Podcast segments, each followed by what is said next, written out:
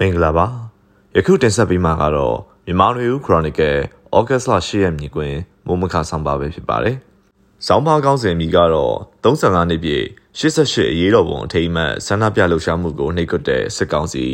ဘူတလင်မြို့နယ်ကမိသားဝန်ထမ်းတွေနဲ့မိသားစုတွေ PDF ကဖမ်းဆီးဆိုတဲ့ကောင်းစဉ်ပဲဖြစ်ပါတယ်။ကျွန်တော်ကတော့ຫນွေဦးမှာပါ။88အရေးတော်ပုံ35နှစ်ပြည့်အထိမ်းအမှတ်အနေနဲ့ ဆန္ဒထုတ်ပေါ်မှုတွေကိုရန်ကုန်မန္တလေးမြို့နယ်အခြားသောလက်နက်ကိုင်ပြည်ပခဖြစ်ပွားနေတဲ့ဒေသအချို့တို့မှာကျင်းပခဲ့ကြတယ်လို့သတင်းဖော်ပြမှုတွေမှာတွေ့ကြရတာဖြစ်ပါတယ်။2021ခုနှစ်မှာအာဏာသိမ်းတဲ့စစ်ကောင်စီအနေနဲ့88အရေးတော်ပုံကာလကစစ်တပ်ရဲ့လုပ်ရက်တွေနဲ့ပတ်သက်လို့အမတ်တရအထိမ်းအမှတ်လှုပ်ဆောင်မှုတွေကိုခွင့်မပြုခြင်းအခုလိုထိမ်းမှတ်လှုပ်ဆောင်ခြင်းဟာစစ်တပ်ကိုဆန့်ကျင်ခြင်းလို့အဓိပ္ပာယ်ကောက်ယူပြီးနှိပ်ကွပ်မှုတွေလှုပ်ဆောင်နေတာလည်းတွေ့ရမှာပါ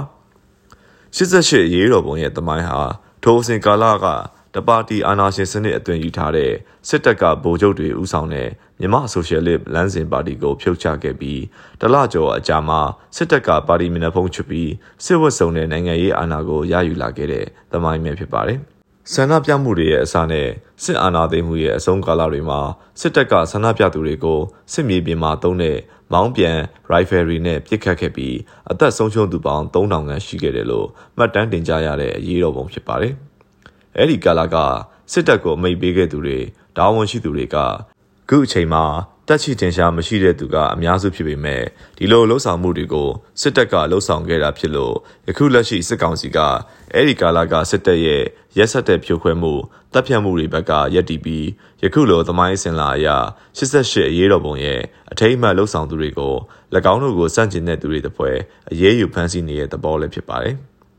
88အရေးတော်ပုံ35နှစ်ပြည့်မြောက်တဲ့အချိန်မှာမြန်မာနိုင်ငံဟာထိုးစဉ်ကာလကမှပြီးဆုံးခဲ့တဲ့စစ်အာဏာရှင်ဆန့်ကျင်ရေးစစ်အာဏာရှင်စနစ်ဖယ်ရှားရေးနောက်ထပ်လှုပ်ရှားမှုတစ်ခုတည်းကိုဖျက်ဆီးနေရခြင်းလို့ဆိုရမှာဖြစ်ပါတယ်။88အရေးတော်ပုံပြီးကစားအခြေအနေတွေတဟ ပုံမပြင်းထန်တဲ့လက်နက်ကင်နီလန်နဲ့စစ်အာဏာရှင်တပ်တွေကိုတိုက်ခိုက်နေကြချိန်မြန်မာနိုင်ငံရဲ့နေရာအနှံ့အပြားပြည်တွင်းစစ်ဖြစ်ပွားနေချိန်စစ်ပေးဒုက္ခတဲ့တန်ကနန်းကျော်လွန်ပြီးလက်နက်ကင်ဖွဲ့တွေတာမက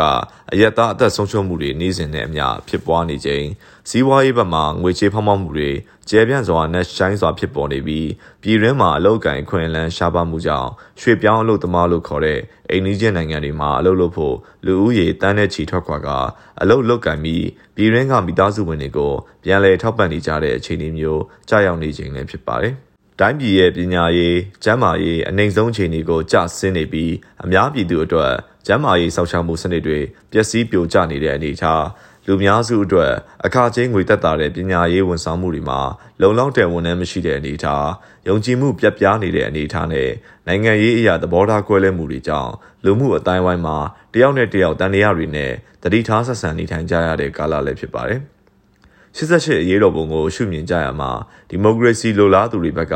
ငါတို့ရဲ့ရှေ့ကဖြစ်ပေါ်ခဲ့တဲ့ဒီမိုကရေစီအရေးတော်ပုံလို့ရှုမြင်ကြသလို စစ်တပ်ဘက်ကလည်း၎င်းတို့ရဲ့နိုင်ငံရေးအာဏာမှာနေရာဝင်ယူတဲ့ရည်တည်ချက်အတွက်ကာကွယ်ခြင်းနဲ့အတူ88အရေးတော်ပုံကိုဖြိုခွဲခဲ့တဲ့စစ်ကောင်းဆောင်တွေနဲ့သဘောထားရည်တည်ချက်အတူတူဖြစ်ကြောင်းပြတာက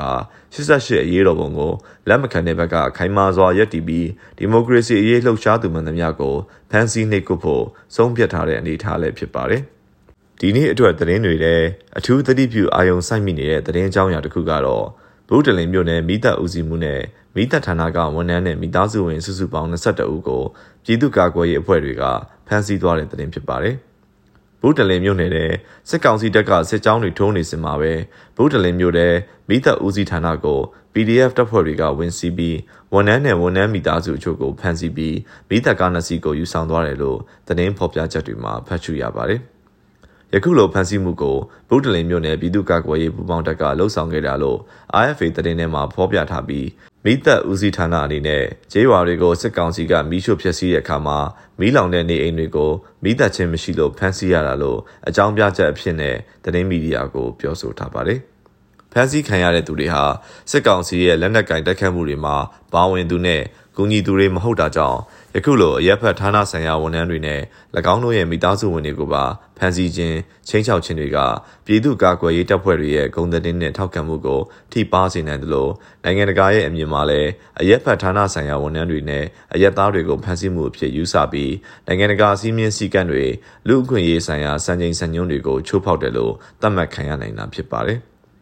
အမျိုးသားညီညွတ်ရေးအစိုးရအနေနဲ့ယခုလိုကိစ္စရပ်မျိုးတွေအတွက်မူဝါဒအဖြစ်တာဝန်ခံရမယ့်အနေအထားမှာရှိနေပြီးယခုလိုအောက်ခြေမှာဖြစ်ပွားနေတာတွေကိုထိန်းသိမ်းဖို့အရေးယူဖို့ဝတ္တရားလည်းရှိနေတာဖြစ်ပါတယ်။အကယ်၍အောက်ခြေကအဖြစ်အပျက်တွေကိုအရေးယူဖို့ထိန်းသိမ်းဖို့မစွမ်းနိုင်ဘူးစင်ကြေပေးခဲ့ရင်လည်းတစ်ဖက်မှာတရွာတပိုအုပ်ချုပ်ကျင့်သုံးနေကြတဲ့အခြေအနေမျိုးကိုဝန်ခံသလိုဖြစ်စေနိုင်တာလည်းဖြစ်ပါတယ်။ CDM မလုပ်သူတွေကိုတစ္ဆာဖောက်လို့သတ်မှတ်က